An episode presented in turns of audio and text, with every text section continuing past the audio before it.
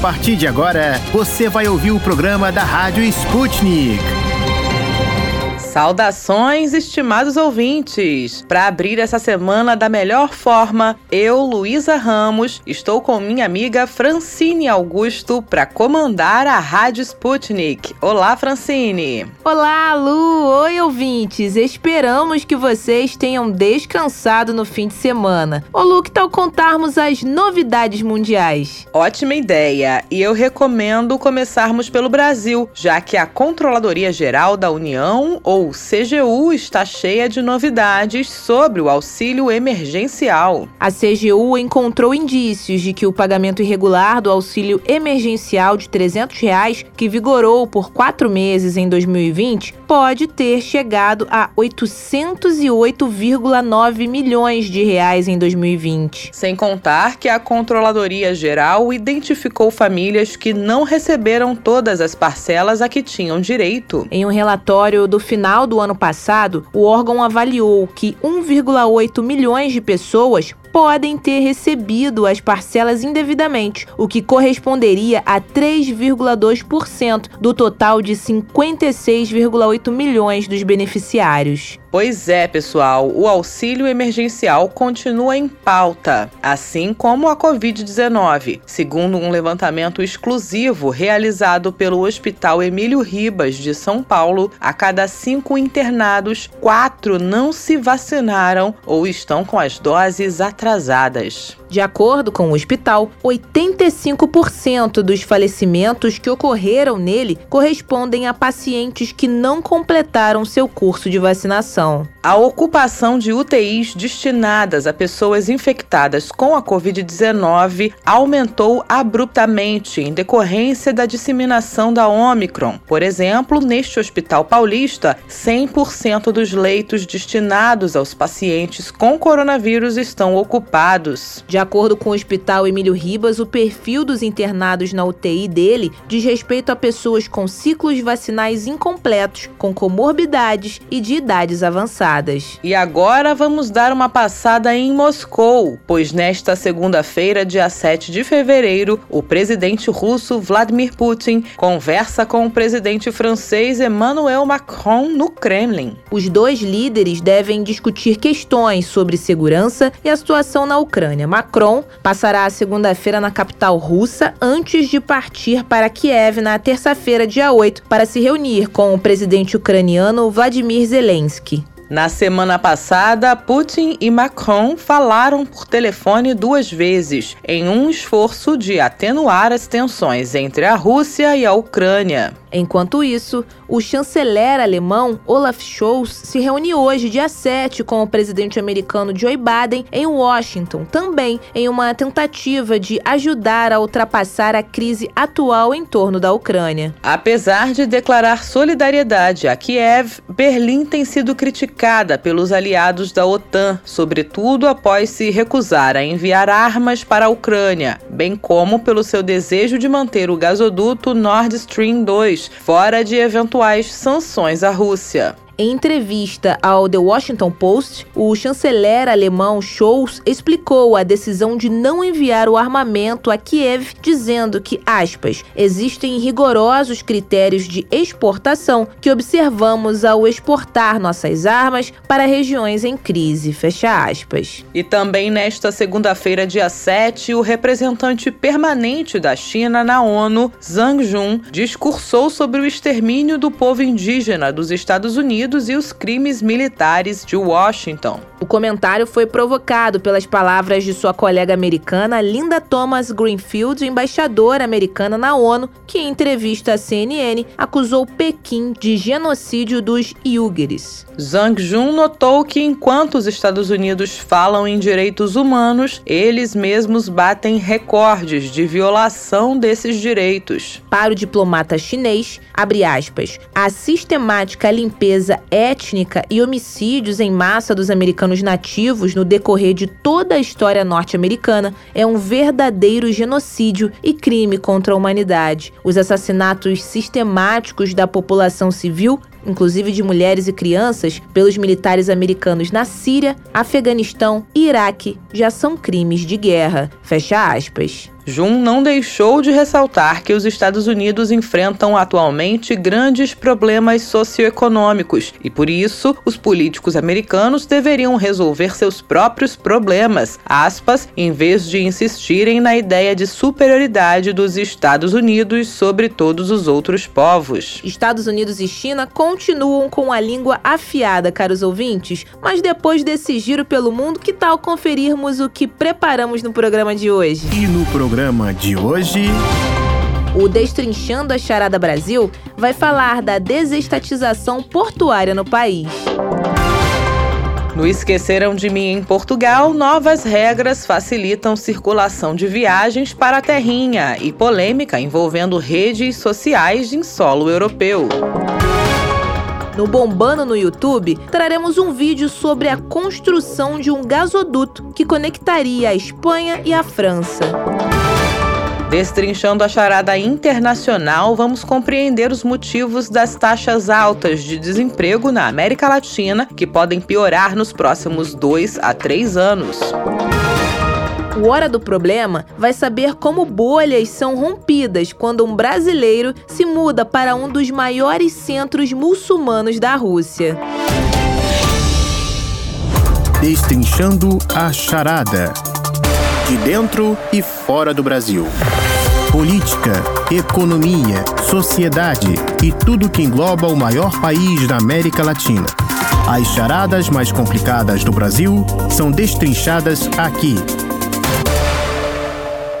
Estimados ouvintes, no Destrinchando a Charada Brasil de hoje, vamos tratar sobre a desestatização portuária no país. Isso mesmo, Lu, tema que divide opiniões. Inclusive, até o dia 9 desse mês, a Agência Nacional de Transportes Aquaviários mantém uma consulta pública sobre a desestatização do Porto de São Sebastião, em São Paulo. A ideia desta consulta, segundo o órgão, é obter contribuições, subsídios e sugestões para o aprimoramento dos documentos técnicos e jurídicos relativos à realização da concessão. Localizado na costa do litoral norte do estado de São Paulo, o porto fica a 180 quilômetros da capital do estado. Atualmente, ele é gerido pela Companhia Docas de São Sebastião. De acordo com o governo federal, esta mudança traria ganhos de produtividade quanto à gestão, à eficiência e à celeridade nas compras e contratações necessárias às operações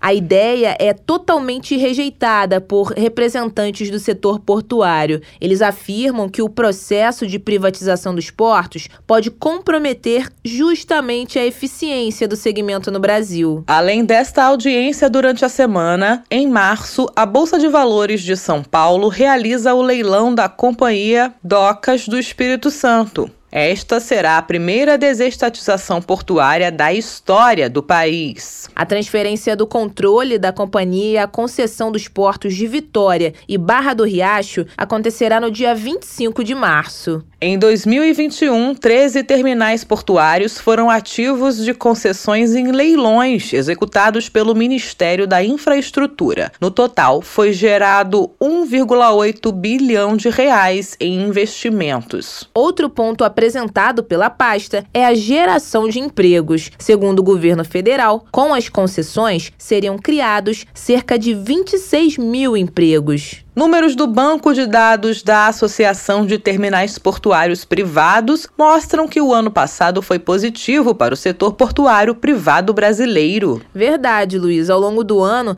a injeção de investimento no segmento privado foi de 1,6 bilhão. Para 2022, a ANTAC publicou 16 anúncios públicos que elevam a estimativa da carteira de investimentos de 2022 para o patamar de 9,5 bilhões de reais. Apesar dos valores expressivos, nem todos estão contentes com esses anúncios, Fran. Para falar sobre isso, a gente convida agora o porta-voz de uma das categorias que se diz prejudicada com a desestatização. Falaremos com o José Adilson Pereira, presidente da Federação Nacional dos Estivadores. Oi, José, muito obrigada por conversar conversar com a Rádio Sputnik. Olá, José Adilson. Pode nos dizer qual o motivo da categoria se sentir prejudicada com a privatização dos portos? No nosso debate da reforma portuária, nós somos a favor de que a autoridade portuária seja pública. As operações privadas não é problema mas a autoridade portuária deve seguir o preceito constitucional de ser pública. E aí somos contrários ao modelo do governo, que coloca exatamente a autoridade portuária como ente privado. Como vai ser administrada a visão pública do porto? O porto tem que ter a visão de atender a todos de forma igual. Quando você passa para um privado, com certeza ele vai querer atender as cargas e lhe dar melhor retorno econômico, melhor fator econômico, até pelas obrigações de investimento que eles vão ter em cada porto. Então aí o porto perde a sua visão pública e ele vai controlar o canal de acesso, as rodovias, as ferrovias. Como é que você entrega tudo tão estratégico na mão de um ente privado? Como é que fica o direito de vir e voltar do cidadão e de todas as empresas nesse cenário? Outro ponto que eu acho que fica muito prejudicada com o ente privado é a definição da política portuária regional já que nós defendemos um conselho de autoridade portuária tripartite, com a participação de todos, definindo a política portuária, que tenha o setor patronal, que tenha os trabalhadores, entendente? que tenha o governo. Então isso ajuda exatamente o debate da definição da política portuária que vai ser desenvolvida, dos planos de desenvolvimento, para você atender toda a sociedade local como isso ocorre em todo o mundo. Não existe nos portos do mundo, muito pouco, mais de 95%, sempre as autoridades são públicas, não se entrega para um ente privado. Então este é um ponto fundamental. E aí, com o ente privado, como a gente define a política portuária, se o porto é ele que vai gerir e não tem uma concepção pública, esse é um problema também. O outro fator, mas defendemos uma autoridade portuária que tenha profissionais, é, profissionais definidos por esse coletivo, por esses atores que define a política portuária e que não seja simplesmente uma indicação política, que seja com competência profissional. Vimos isso em Roterdã, vimos isso em Ghent, vimos isso nos portos do mundo. Então todos elegem, definem quem, é que vai exatamente gerir essa autoridade portuária e fazer a política portuária em conjunto com todos os atores portuários. Isto é fundamental. Daí vem exatamente também o problema da privatização, que quando vinha esse ente privado, todos os trabalhadores da autoridade portuária estão ameaçados. Como agora está dizendo isso, terá simplesmente uma proteção de um ano então, perderão seus empregos, serão trocados, serão modificados, que exatamente esse ator vem para poder querer reduzir custo. Com certeza vai vir querer reduzir custo em cima da mão de obra da autoridade portuária. Então, pelo que você disse há pouco, a categoria entende que pode haver sim a condução de algumas áreas pelo setor privado, mas não a completa desestatização, é isso? Você não consegue fazer investimento rápido na questão pública. Este é um ponto que tem que ser desburocratizado. Por isso nós defendemos que seja uma autoridade portuária pública, com profissionais de condição de administrar o porto. A gente acha que as operações portuárias devem ser feitas pelos operadores portuários e pelo setor privado. Nós temos que desburocratizar exatamente a condição de investimento nos portos. Então nós defendemos o modelo Landlord Port, onde a autoridade portuária faz o investimento e cuida da infraestrutura e o ente privado faz a operação e cuida da superestrutura no porto. Só que aí precisamos de agilidade e desburocratizar. Mas da forma que o governo está fazendo, a toque de caixa e fazendo exatamente, é, entregando na mão do ente privado, pura e simplesmente, e o papel do Estado ficando ao segundo plano, nós é, não concordamos. Me assusta muito quando o ministro da Infraestrutura fala bem assim: o Brasil está sendo o país mais privatizado do mundo. Discordamos disso. A gente viu na crise econômica em 2009 o papel do Estado. Nós estamos vendo agora na pandemia o papel do Estado. Não basta dizer que tem que privatizar tudo e o papel do Estado ser o mínimo possível. Na hora que tudo pega, na hora que explode, o próprio setor patronal corre atrás do Estado para resolver os seus problemas. Aí ele esquece da liberdade econômica, esquece de tudo e o papel do Estado tem que fazer. E nós defendemos isso, que tem que ser um Estado forte, mas que permita que o, o investimento ocorra, que o privado trabalhe, mas que não abra mão do seu papel estratégico de governar o país. Muito obrigada, José Adilson Pereira, pelos esclarecimentos. Ele que é presidente da Federação Nacional dos Estivadores. Agora, para trazer uma análise mais detalhada a respeito da desestatização portuária no país, convidamos o administrador e mestre em economia, Eduardo Amazonas. Olá, Eduardo Amazonas. É um prazer receber você aqui nesse bate-papo. E eu já começo perguntando sobre o histórico do país no que diz respeito às privatizações. Temos bons parâmetros para concluir mais um processo de privatização, mas dessa vez no setor portuário? Nós precisamos avaliar se aquela privatização é lucrativa para o país né, ou se é simplesmente para cobrir dívida, dívida pública, porque o governo né, tem que cobrir um rombo muito grande. E aí eu cito, por exemplo, alguns erros de privatizações, como a BR Distribuidora, que ela foi vendida por 9 bilhões de dólares, mas ela dava um lucro de 3 bilhões de dólares e meio por ano. Quer dizer, uma empresa que em três anos você recupera 9 bilhões, eu acho que ela não deveria ser privatizada. É você vender a galinha dos ovos de ouro.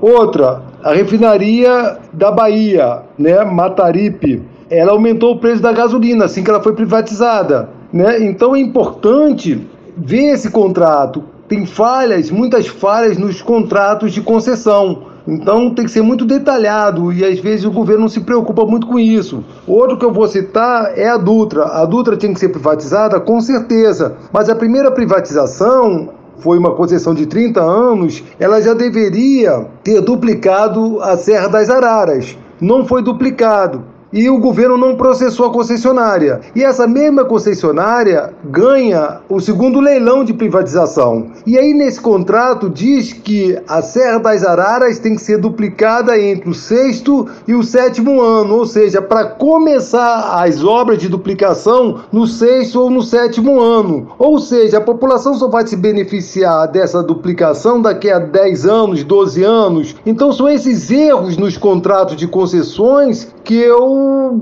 tenho meu pé atrás, como a Serra de Petrópolis, que até agora não ficou resolvido. Um põe a culpa no outro e nada se resolve. Está lá uma serra toda esburacada. Então é nisso que a gente precisa estar tá atento. Né? Então uma privatização tem que ser bem feita. Né? Esse é o primeiro ponto que eu quero colocar. Eduardo, e quais seriam os prós e contras dessa desestatização quase que em massa no setor portuário no Brasil? O ponto positivo das privatizações dos portos são os investimentos que o país vai receber. Então, por exemplo, os próximos portos a serem privatizados que o governo quer, você tem aí, por exemplo, o Porto de Santos. O Porto de Santos ele vai ser privatizado em torno de 16 bilhões. Depois tem Porto de Itajaí, Docas da Bahia, São Sebastião e São Paulo. Então, o governo vai arrecadar um bom dinheiro e vai modernizar esses portos. Então, essa é a grande vantagem para o país. Por quê? Porque no jeito que o Brasil está, o Brasil não tem credibilidade internacional. Então, os investidores, eles só vão investir no Brasil, só vão colocar dinheiro aqui no Brasil via privatização. Esse é um grande erro que a economia brasileira está passando. Dinheiro só vem quando uma empresa tem demanda. Então eu vou comprar uma empresa que já tem demanda, uma concessão de uma rodovia, uma concessão de portos, porque nenhum investidor quer chegar aqui no Brasil e abrir uma grande empresa e se arriscar em ganhar dinheiro. Não vão fazer isso porque é uma economia muito estável, né? A economia brasileira não tem estabilidade. E tem mais um detalhe aí nisso. Nós estamos chegando a uma taxa de juros agora em fevereiro de 10,75%. Nós vamos chegar até o final do ano entre 12 e 12,25% ao ano, que é a taxa Selic. Isso é outro problema para privatizações. O que, que acontece? Uma empresa vai ter que ganhar, no mínimo, 10% de lucro por ano, porque senão vou aplicar no mercado financeiro. Entendeu? Então, esse já é um problema né, no valor das privatizações. Isso altera determinadas regras nas privatizações. Então, a taxa de juros é ruim. E a taxa de juros para o ano que vem estão dizendo a, a previsão né, para que ela fique 8%. Então você vê que para nós termos uma taxa de juros boa para atrair investimentos, isso vai levar mais 3, 4, 5 anos. A concessão da Companhia Docas do Espírito Santo, que será a pioneira na desestatização portuária do Brasil, pode servir como um teste para a avaliação dessa mudança no setor? Eu não acredito que essa privatização, no dia 25 de março, seja um teste para o governo, porque tem vários interessados. E quem ganhar essa concessão vai se dar muito bem. A previsão é de um aumento de contêiner em 115% e o um aumento de 80% em granel. Então, quem ganhar essa concessão vai se dar muito bem. Então, vai fazer uns bons, tem dinheiro para fazer bons investimentos, então o lucro é certo. E o governo vai jogar isso dizendo que foi um sucesso e que isso vai abrir as portas para outros portos, como eu já falei há pouco, Porto de Santos, Porto da Bahia, entre outros. E isso é verdade. O governo vai fazer um marketing em cima disso, que é o papel dele. Observando que no restante do mundo a maioria da administração portuária pública, qual a razão de aqui no Brasil termos sucesso através de concessões? Eu não vejo essas privatizações vamos colocar assim, uma hipótese se é bom ou ruim, porque você tem no mundo todo portos públicos. O grande problema aqui no Brasil é que foi criado um sistema onde os estivadores, o sindicato dos estivadores de cada porto tem um domínio nas contratações. Inclusive, se você quiser que um porto funcione 24 horas por dia, ele não vai funcionar, como aconteceu isso na época da Dilma quando ela aumentou a produção de grãos aqui no Brasil e aí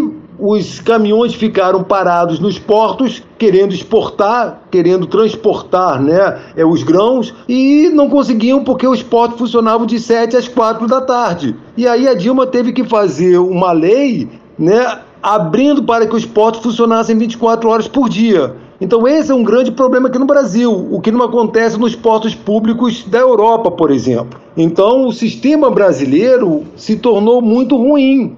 E com outro detalhe, é, os estivadores, né, não estou é, criticando é, os seus salários, mas eles ganham muito bem, isso é muito bom. Agora, como fazer com que os portos sejam mais competitivos com esse tipo de mão de obra e com esse tipo de controle? Os investidores ficam loucos, né? É muito difícil para um gestor conseguir eficiência com esse modelo. E aí, ou o governo muda as leis e mesmo assim tem um sindicato forte que pode fazer greve, paralisações, então o governo não quer bater de frente com isso. O que que acontece? É muito mais fácil privatizar. Quando você privatiza, você vai investir muito em tecnologia e essa tecnologia forçosamente vai excluir essa mão de obra, porque é tudo robotizado nos portos hoje. Então a quantidade de mão de obra é mínima hoje nos portos, é nos bons portos, nos portos muito competitivos. E o Brasil precisa disso, não tem outra solução. É aquela história, ninguém segura o progresso. Bom, os portos são considerados um elo na cadeia logística internacional, sem o qual o Brasil não teria como comercializar com os demais países do mundo. Essa mudança num setor tão importante poderia ser considerado algo arriscado? Um país sem logística não é competitivo, ele vai fracassar. Então, o custo da logística, ou melhor, do transporte de mercadorias, é essencial para baratear o custo de transporte, principalmente para as exportações. Então é importante para qualquer país uma logística competitiva. E o Brasil está muito atrasado, ele precisa acelerar, mas acelerar muito, muito mesmo, para ele não perder mais competitividade. Então essa mudança é essencial, ela precisa ser feita com urgência, agora dentro de regras como sustentabilidade, se possível geração de emprego, que eu acho quase impossível, salários adequados, né? Porque se você começa a cortar mão de obra, começa a diminuir salário, você começa começa a diminuir o consumo no país também. E as pessoas esquecem isso, que o capital depende de consumidores. Então é importante pensar em como gerar emprego ou como transferir essa mão de obra para uma outra atividade econômica, com cursos, por exemplo, com, com, com treinamento, isso precisa ser feito. É isso, vamos acompanhar então o andamento dessas privatizações dos portos e tentar entender se as alterações serão benéficas ou não a longo prazo. Isso mesmo, Lu. Já que existe uma consulta pública em aberto, é bom ficarmos por dentro e acompanhar passo a passo desses processos. Mais uma vez, Eduardo Amazonas, muito obrigada pela sua entrevista aqui na Rádio Sputnik Brasil. Conversamos com o administrador e mestre em economia, Eduardo Amazonas. E o nosso Destrinchando a Charada Brasil de hoje fica por aqui. Até mais.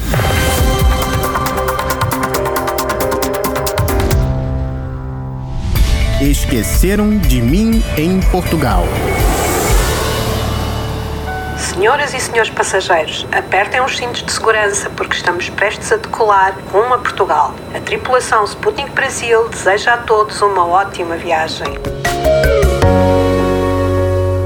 Epa, começamos mais uma semana e seguimos com nossa querida correspondente Luísa Ramos no comando do programa por aqui comigo. Por isso, a convocação dela é mais do que direta. Ela já está por aqui conosco, caros ouvintes, para nos atualizar sobre as notícias mais importantes do dia que saíram na mídia portuguesa e europeia. E aí, Luísa, o que que você conta hoje? Pois é, Francine, hoje eu conto mais uma atualização sobre a pandemia na Europa. Na semana semana passada eu contei aqui que a Dinamarca foi o primeiro país da União Europeia a remover completamente as exigências contra a Covid-19. Por lá já não se usa mais máscaras nem há medidas restritivas. Já na França, desde a semana passada, se pode circular sem máscaras nas ruas e bares e restaurantes já podem ter lotação completa. Agora, em Portugal, a partir desta segunda, dia 7, caiu por terra a obrigatoriedade de testes teste negativo para entrar no país. A nova regra vale para viajantes dentro da União Europeia, Luísa? Bom, Fran, as informações oficiais dão conta de que agora, para entrar em Portugal, passa a ser exigido apenas a apresentação do certificado digital Covid da União Europeia, nas suas modalidades que são três: recuperação, vacinação ou testagem, ou qualquer outro comprovativo de vacinação devidamente reconhecido reconhecido. No entanto, não há ainda uma lista de quais documentos são ou não reconhecidos, pelo menos até o fechamento desta reportagem. Mas, ao que tudo indica, possuindo um certificado da União Europeia ou outro que as autoridades aceitem, a viagem está liberada, mesmo sem aqueles testes feitos poucas horas antes do embarque. As regras estão cada vez mais frouxas na Europa, né, Lu? Na prática, o que você vê por aí com relação aos brasileiros? Brasileiros, por exemplo? Bom, Fran, pelo menos aqui na França, onde eu estou no momento, quem tem o certificado de vacinação brasileiro do Ministério da Saúde impresso está conseguindo acessar estabelecimentos comerciais normalmente. Eu não vi ainda a cobrança da validação dos certificados do Brasil para o europeu na prática e penso que a tendência seja isso ficar cada vez mais facilitado, pois afinal o importante é estar vacinado. Mas caso algum brasileiro que se vacinou no Brasil prefira ter a validação em solo europeu, tem que se preparar para desembolsar uma graninha. Na França, as farmácias certificadas estão cobrando 36 euros para transferir os dados do documento brasileiro para o francês. Na cotação de hoje, cerca de 220 reais. Salgadinho preço. E tem mais alguma polêmica do velho continente que você possa destacar para nós, Luísa? Tem sim. A Meta, empresa dona do Facebook e Instagram, Instagram ameaçou abandonar a União Europeia se não obtiver a permissão de fazer a gestão dos dados dos utilizadores, como faz até o momento em solo norte-americano. Atualmente, um acordo entre os Estados Unidos e a União Europeia, chamado de Privacy Shield, é o que faz a transferência segura dos dados. No entanto, desde 2020 há uma briga depois que o Tribunal de Justiça da UE declarou nulo o acordo, pois os reguladores europeus acreditam acreditam que ela viola a privacidade dos seus utilizadores, já que a legislação nos Estados Unidos é bem mais permissiva. E aí, como é que o povo fica nessa? Sem as redes sociais por aí? Ainda falta uma definição, Fran.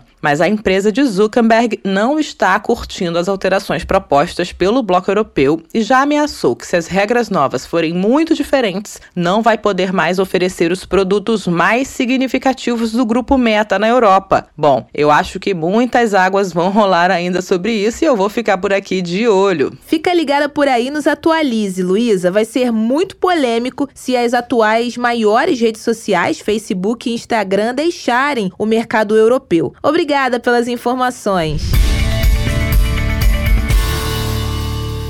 Bombando no YouTube. Curtidas e mais curtidas da Rússia ao Brasil. Confira com a Rádio Sputnik os vídeos que receberam mais likes e visualizações e estão no topo do YouTube. E fique por dentro do que está sendo filmado por amadores ou profissionais pelo mundo afora. A partir de agora, vamos ficar por dentro dos cinco vídeos mais curtidos e visualizados no YouTube, queridos ouvintes. Para isso, vamos chamar o nosso especialista em vídeos, o Tito da Silva. É ele quem vai contar as novidades do YouTube diretamente da redação da Sputnik Brasil em Moscou. Fala, Tito! Olá, queridos ouvintes da Rádio Sputnik. Eu sou o Tito da Silva e estes são os vídeos que estão bombando no YouTube nesta segunda-feira, 7 de fevereiro no primeiro vídeo de hoje, um vídeo feito próximo da cidade yemenita de Harad mostrou forças yemenitas utilizando os supostos lançadores de foguetes produzidos no Brasil, os Astros 2. Na ocasião, os sistemas de lançamento de foguetes foram acionados contra o movimento yemenita Houthi que luta contra o governo local. Vários foguetes foram disparados no vídeo e acredita-se que o armamento de origem brasileira teria sido passado para as forças locais por parte da Arábia Saudita, país que adquiriu pelo menos 60 lançadores de foguetes Astro 2 na década de 80. Para ver o vídeo, é só digitar. Supostos lançadores de foguetes fabricados no Brasil são filmados atacando Houthis. No segundo vídeo de hoje, a OTAN tem em mente a construção de um gasoduto que deverá reduzir a dependência do mercado consumidor europeu do gás russo. O objetivo seria a construção de infraestrutura na Península Ibérica, que permitirá a maior entrada de gás da Argélia e de outros países fornecedores e que seja capaz de levar o produto até a Alemanha, uma compradora do gás russo. O plano é levado em consideração enquanto a OTAN vive fortes tensões com a Rússia em torno da crise na Ucrânia, ao passo que objetiva possuir uma posição unânime de seus membros sobre a crise. Enquanto a aliança militar acusa a Rússia de ter planos de invadir a Ucrânia, a Alemanha, que é um país membro da OTAN, tem relutado em enviar armas para a Ucrânia e preferido uma posição de maior neutralidade, o que seria interpretado como uma política resultado de sua dependência do gás russo. Para assistir ao vídeo, é só digitar OTAN pondera a construção de gasoduto para reduzir dependência do gás russo, diz jornal. No terceiro vídeo de hoje, o presidente da Argentina, Alberto Fernandes, disse em visita a Pequim que possuía a mesma filosofia política que o Partido Comunista Chinês tem. Em fala com seu homólogo chinês Xi Jinping, Fernandes declarou que ficou impressionado com a construção do novo Museu do Partido Comunista da China e também elogiou as conquistas chinesas ao longo de sua história desde a Revolução Comunista. Para ver a fala de Fernandes, digite assim: Presidente da Argentina, temos a mesma filosofia do Partido Comunista da China. No quarto vídeo de hoje, o canal Mundo Sem Fim foi provar os sabores da comida de Las Vegas. E logo no início do vídeo, o casal viajante pelo mundo foi no Heart Attack Grill, um famoso restaurante por sua comida bem calórica e uma temática bem incomum. O interior do restaurante lembra em parte um hospital, com as garçonetes vestidas de enfermeiras e os clientes sendo vestidos de pacientes de um hospital. Bom, o cardápio é bem cheio de comida gordurosa, com os hambúrgueres gigantes e com tudo que seu paladar pode apreciar. E um detalhe bem bacana é que se você pesa 160 quilos, você pode comer de graça. Com toda a temática voltada a um ataque cardíaco e comida bem calórica, o Heart Attack Grill é um restaurante saboroso e macabro. E no quinto vídeo de hoje, o canal Brasil Paralelo mostrou alguns detalhes sobre a vida do filósofo brasileiro Olavo de Carvalho, que foi inclusive considerado um dos inspiradores do presidente brasileiro Jair Bolsonaro. Olavo de Carvalho, que faleceu em 24 de janeiro passado, tem parte de sua vida desconhecida por muitos brasileiros. E para quem gosta de filosofia política, talvez seja interessante saber mais sobre a vida de Olavo de Carvalho, que se tornou uma peça bem polêmica da sociedade brasileira. E por hoje é tudo, pessoal. Até mais. Sobre esse gasoduto, por incrível que pareça, ele não é uma novidade. Verdade, Francine. Ele foi proposto pela primeira vez há três anos, mas foi rejeitado pelos reguladores espanhóis e franceses como potencialmente não rentável. Os números são impressionantes. A estrutura seria capaz de transferir cerca de 7 bilhões de metros cúbicos de gás natural por ano a partir da Argélia e de fornecimentos estrangeiros de gás natural liquefeito. E o armazenamento processaria oito usinas de gás natural liquefeito, localizadas na Espanha e Portugal, segundo a imprensa. Agora é aguardar para ver se o projeto dessa vez sai do papel. Tito, muito obrigada pelo top 5 do YouTube. Até a próxima!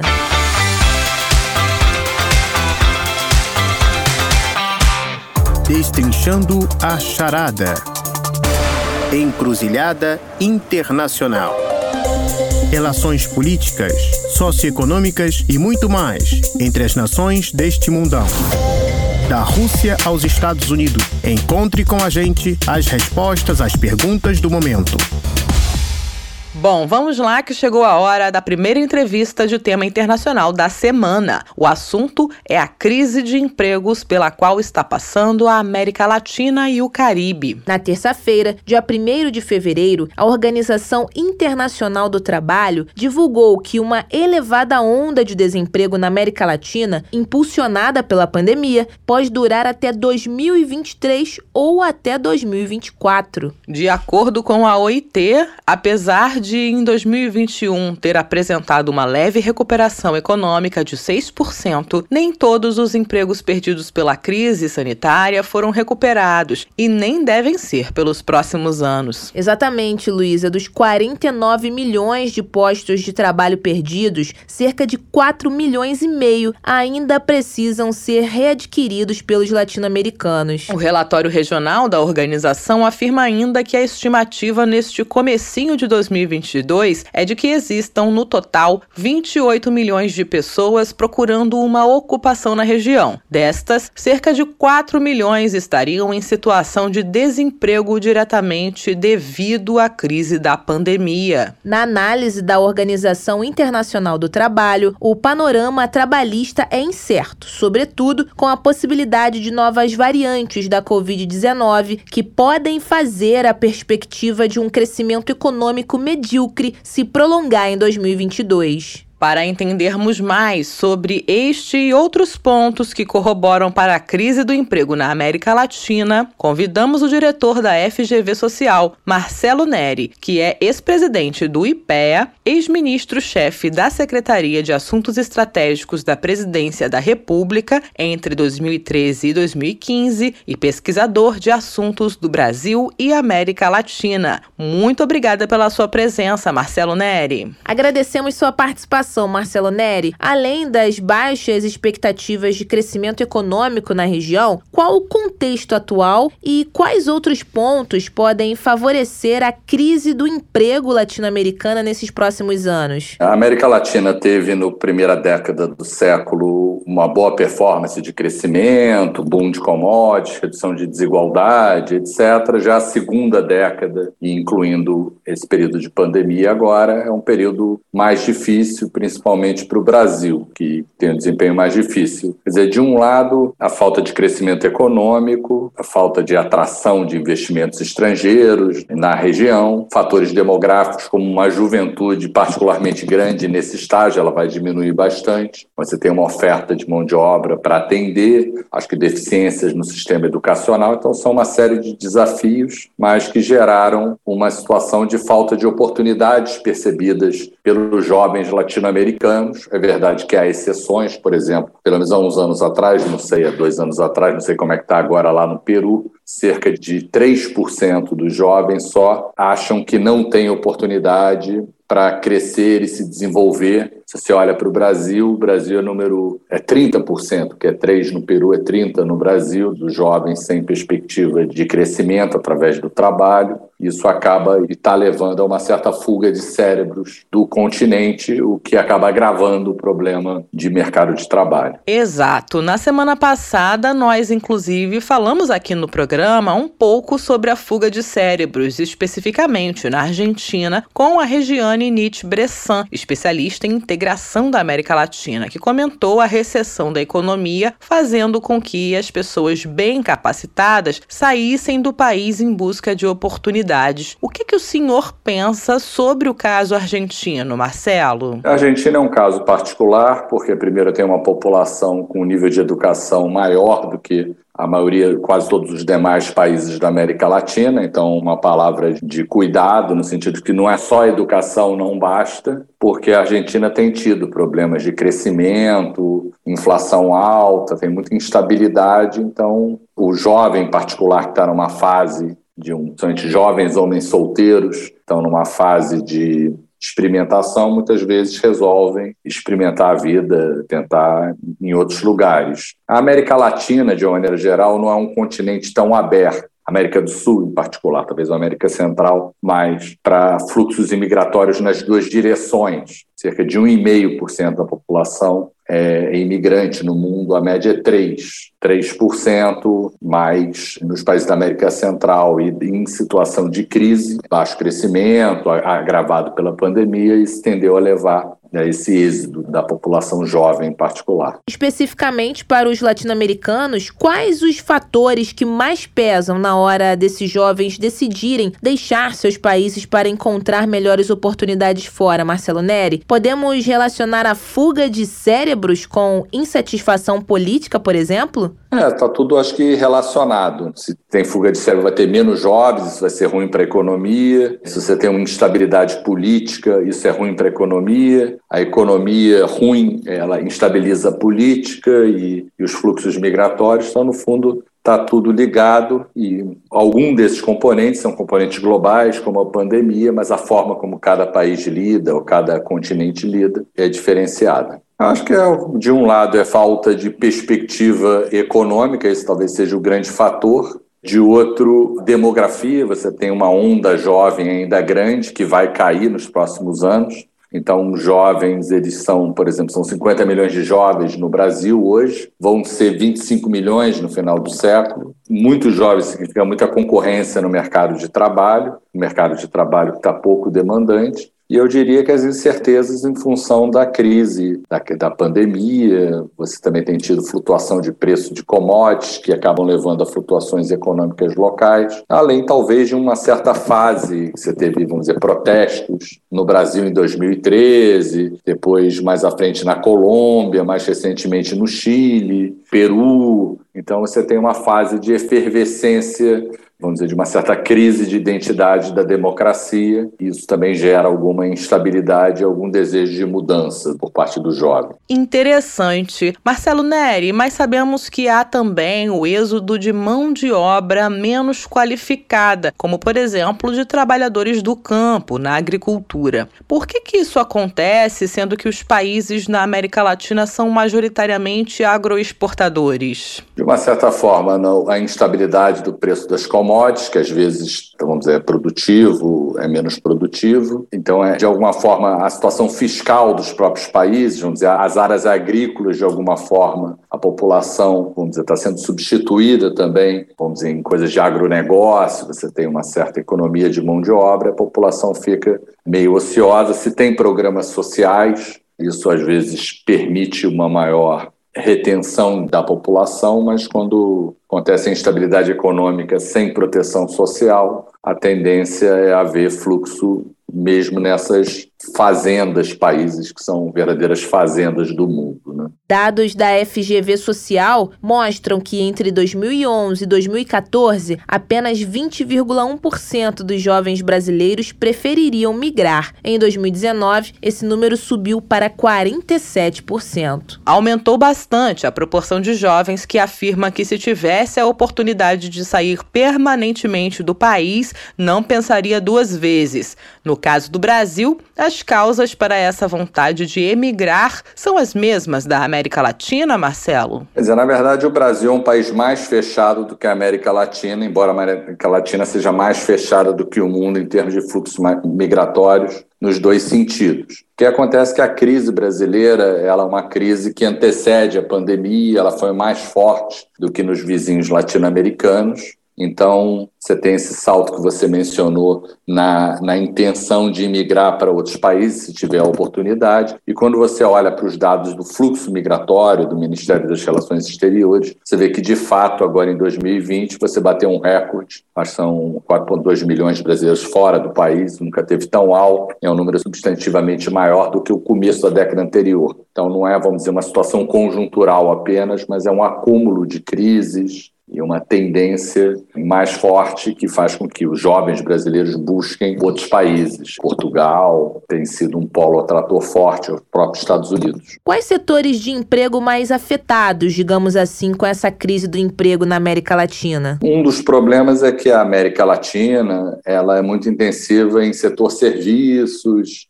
mas com muita informalidade, muita desproteção social etc. E esses setores foram muito afetados, e de outros setores vencedores, setores de serviços normais, não incluindo muito tecnologia, parte de serviços ligados à TI, ligado à digitalização que foi acelerada no período de pandemia, ou até por dificuldades educacionais, de infraestrutura, etc. Eu não vejo os países da América Latina tão bem posicionados. Então, os setores que perderam, setor serviços, é verdade que o setor agrícola, de indústria extrativa, teve um certo boom agora na pandemia, isso pode ser uma boa notícia para a América Latina. Não é tão trabalho intensivo, mas é bom para a economia. Ao passo que na parte de tecnologia de informação e conhecimento, o Brasil e a América Latina são relativamente pouco posicionados. Teve recente um levantamento que perguntava para as pessoas de 124 países se eles tinham medo das novas tecnologias, dos impactos no mercado de trabalho. Então, por exemplo, o caso brasileiro era número 108 em 124 países com mais medo e outros países latino-americanos próximos do Brasil. Então, eu acho que a gente não está tão bem preparado para o século XXI, para essas novas tendências, e várias delas foram aceleradas pela pandemia Outras tendências de mais longa têm sido aceleradas aqui também por tendências demográficas, como diminuição do número de jovens, etc. Vamos dizer, há desafios específicos aqui do nosso continente. Segundo o IBGE, no Brasil, o trabalho informal continua a ser o maior impulsionador de novos postos de trabalho. São 38,2 milhões de pessoas empregadas na área. Hoje, a informalidade ultrapassa os 40% e o rendimento é bastante reduzido. Na sua visão, Marcelo Neri, esse tipo de crise de emprego pode piorar ainda mais situações de desigualdade de gênero, etnias e classes no mercado de trabalho? Pode, mas com diferenças, assim, vamos dizer. Eu acho que, vamos dizer, no caso das mulheres, o grande problema das mulheres é a desigualdade no mercado de trabalho. Elas conseguiram fazer o dever de casa e, de alguma forma, ultrapassaram os homens em termos de educação. Talvez seja uma questão das escolhas dos setores, as mulheres estarem em setores que pagam melhor, etc. Acho que esse talvez seja o desafio. Mas no caso de grupos étnicos, o desafio é duplo: é um desafio de educação, em primeiro lugar, onde ainda não houve uma revolução educacional, para grupos, vamos dizer, afrodescendentes, por exemplo, tão forte, a disparidade educacional é grande, precisa ser reduzida, e de outras dificuldades no próprio mercado de trabalho, discriminação, segmentação no próprio mercado de trabalho. Mas eu diria que são de natureza um pouco distintas. Como estrategista da área e estudioso da região, que medidas o senhor analisa que os governos latino-americanos deveriam tomar para que esses impactos no mercado de trabalho sejam reduzidos? Acho que é uma estratégia para os jovens de permitir conciliar melhor estudo e trabalho. Então, acho que é algo mais uma medida específica importante, buscar legislações nesse sentido. Mas acho que, de uma maneira geral, acho que a América Latina, que é um continente muito desigual e relativamente estagnado comparado, por exemplo, com a Ásia, a gente deveria buscar um caminho do meio, de buscar prosperidade, buscar coisas que levem ao crescimento, mas com inclusão social, com redução de desigualdade. A gente tem que combinar os dois componentes Caso contrário, tem que buscar uma solução híbrida para nossa desigualdade e a nossa estagnação de crescimento de maneira simultânea. Todos nós fomos forçados a nos adaptar a uma nova situação e às vezes tem algumas possibilidades maiores. O home office reduz uma série de custos, faz uma economia de tempo, permite estar mais próximo da família, etc. Eu acho que essa solução híbrida ela está mais forte do que estava antes da pandemia e eu acho que talvez seja um dos legados positivos que a gente deveria estar aproveitando né, na pandemia. A pandemia está acelerando tendências e algumas dessas mudanças que fomos forçados a fazer, às vezes, vêm para melhorar a nossa vida. É um bom ponto. Agradecemos muito as suas análises, Marcelo Neri, diretor da FGV Social e pesquisador de assuntos do Brasil e América Latina. Esta entrevista foi produzida por mim, Luísa Ramos, e o texto editado no site por Yasmin Scali. Para ler, basta acessar o site br.sputniknews.com. Procure pelas palavras América Latina e desemprego, caros ouvintes, e participe da enquete na página. Em breve o Brasil terá eleições eleições presidenciais. Caso uma nova gestão entre, você acha que a questão do desemprego pode ser amenizada? Isso mesmo, não deixem de participar. Nossa entrevista do Destrinchando a Charada Internacional fica por aqui. Até mais.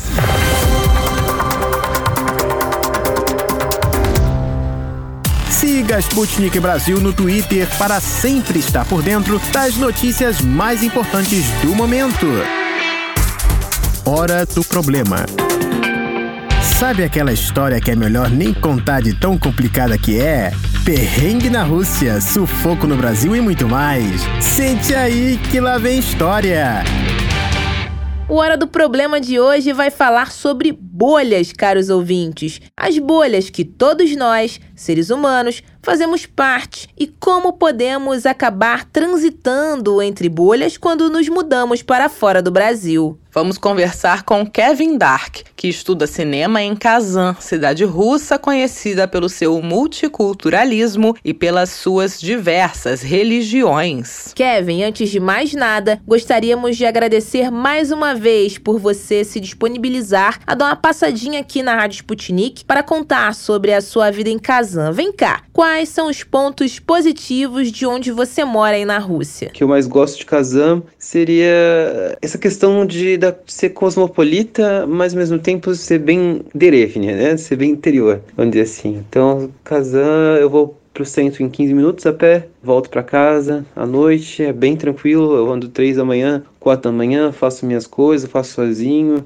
Às vezes eu gosto de colocar o fone de ouvido e só andar, a cidade é bem tranquila. E a cidade está em desenvolvimento, né? Então, por exemplo, tinha um lago e agora esse lago tem uma passarela, né, do lago, e agora eles colocaram uma churrasqueira lá, e agora, tipo, dá para curtir o lago, virou quase um parque, e aí eu posso ir com, né, com com as pessoas que, né, agora eu tô solteiro, então, com as pessoas que eu conheço, né, com as pessoas que eu tô saindo, ou com os amigos, ou posso só sozinho sentar na beira do lago, isso eu gosto muito. Muitas obras públicas e muito desenvolvimento de empresas, né, as pessoas vêm para Kazan, Kazan é uma cidade muito barata e em desenvolvimento, e isso é muito massa. Dá para sentir que você já está bem adaptado a Kazan, né, Kevin? Mas me diz uma coisa, no começo foi mais difícil? O que, que teria pesado mais para você? No começo eu tinha um pouco de dificuldade porque eu me considero uma pessoa super progressista, assim, sabe? Eu gosto, eu sou de São Paulo, eu vinha de um círculo de artistas, de, né, estudantes de universidade pública, intelectuais e por aí vai, e a gente era muito livre nas ideias, vamos dizer assim, né? E aqui é o contrário, né? Aqui é uma república muçulmana, ou seja, aqui eles são muito conservadores nos seus costumes, né? Claro que não tanto quanto, né, um país muçulmano, por exemplo, né, não sei, país do norte da África, do Médio, né? Eles são bem mais liberais que isso, mas eles têm uma visão bem mais fechada do que isso. Então, para mim, foi um, um baque, assim, sabe? Mas nada que eu não consiga me adaptar, né? Porque a gente se adapta, né? Se não pode com eles, onde é eles? Verdade, Kevin. E a situação foi melhorando com o tempo, correto? Alguém chegou a te explicar os seus primeiros anos, como funcionam as relações com outras pessoas em Kazan? Primeiro ano foi mais difícil, segundo ano, né, acabei conhecendo uma pessoa aqui, né, eu tive uma namorada, e ela me ajudou a me adaptar, me ajudou com a língua, me ajudou a entender a cultura profundamente, comecei a, né, a entender ela e como ela ela olha para o mundo e né, entender que isso é cultural e que eu não posso querer mudar, né? E pelo contrário, esse não é o meu país. Então eu tenho que né, ceder uma parte, né?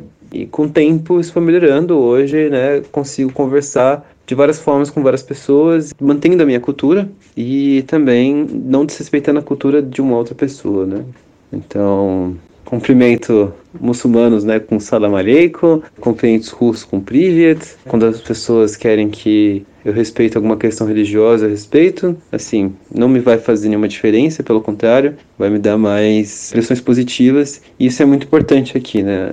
Muito importante, porque não é o seu país, as pessoas estão te recebendo aqui. Boa parte dos russos reage muito positivamente com os brasileiros, né? Eu acho que talvez é um país, um dos países mais amados do mundo. Então, acho que é o um mínimo da minha parte retribuir. Kevin, você pensa em continuar na Rússia depois de concluir o seu curso de cinema? Eu pensava, pensava antes, porque, como eu disse anteriormente, né? Eu tinha uma namorada, né? A gente pensava muito o que a gente fazer depois, né?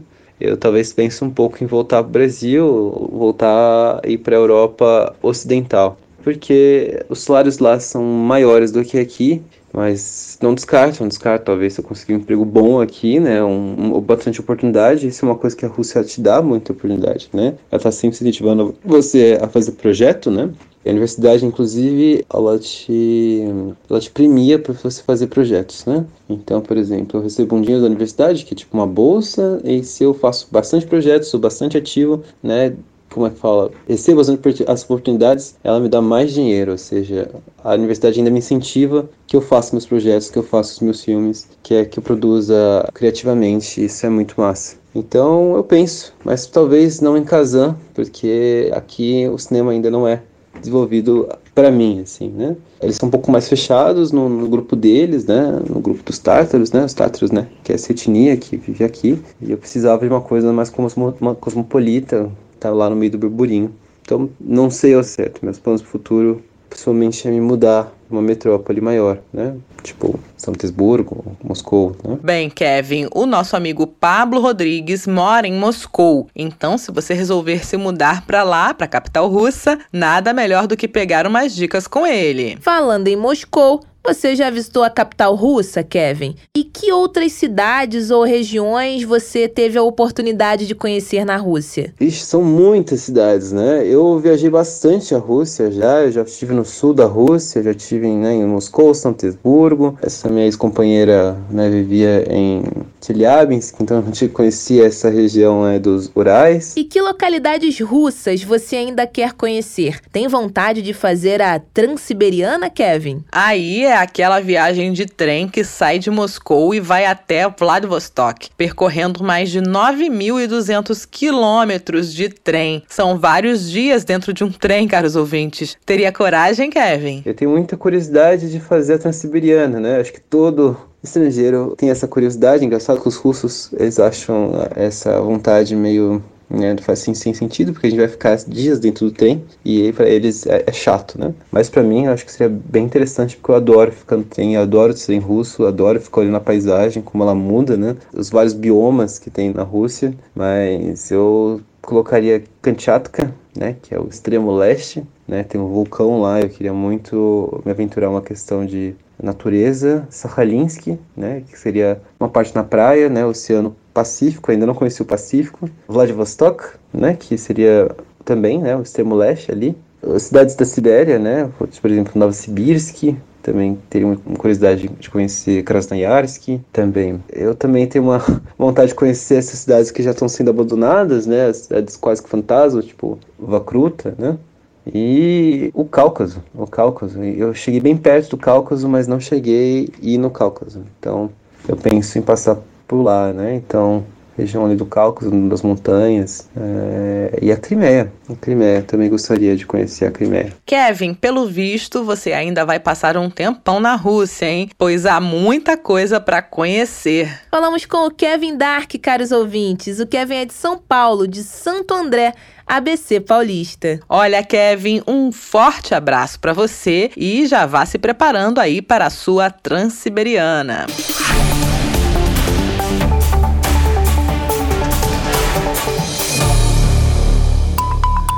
Para ficar por dentro de todas as novidades, tanto mundiais como brasileiras, se inscreva no nosso canal do Telegram. É muito simples. É só você escrever Sputnik Brasil na busca do Telegram e se inscrever para receber as notificações. Hora de dar tchau.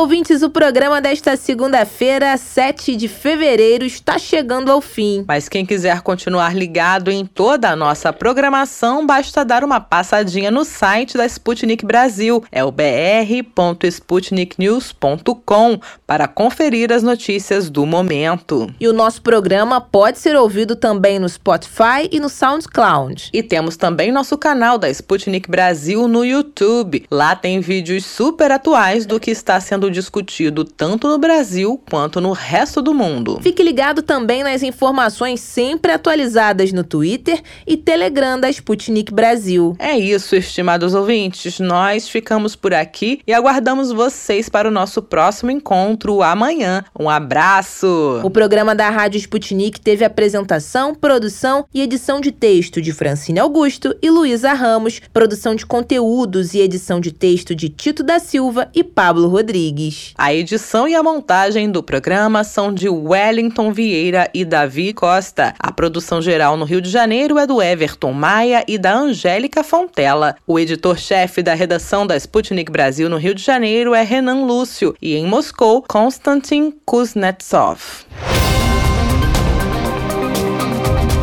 Você acabou de ouvir mais um programa da Rádio Sputnik.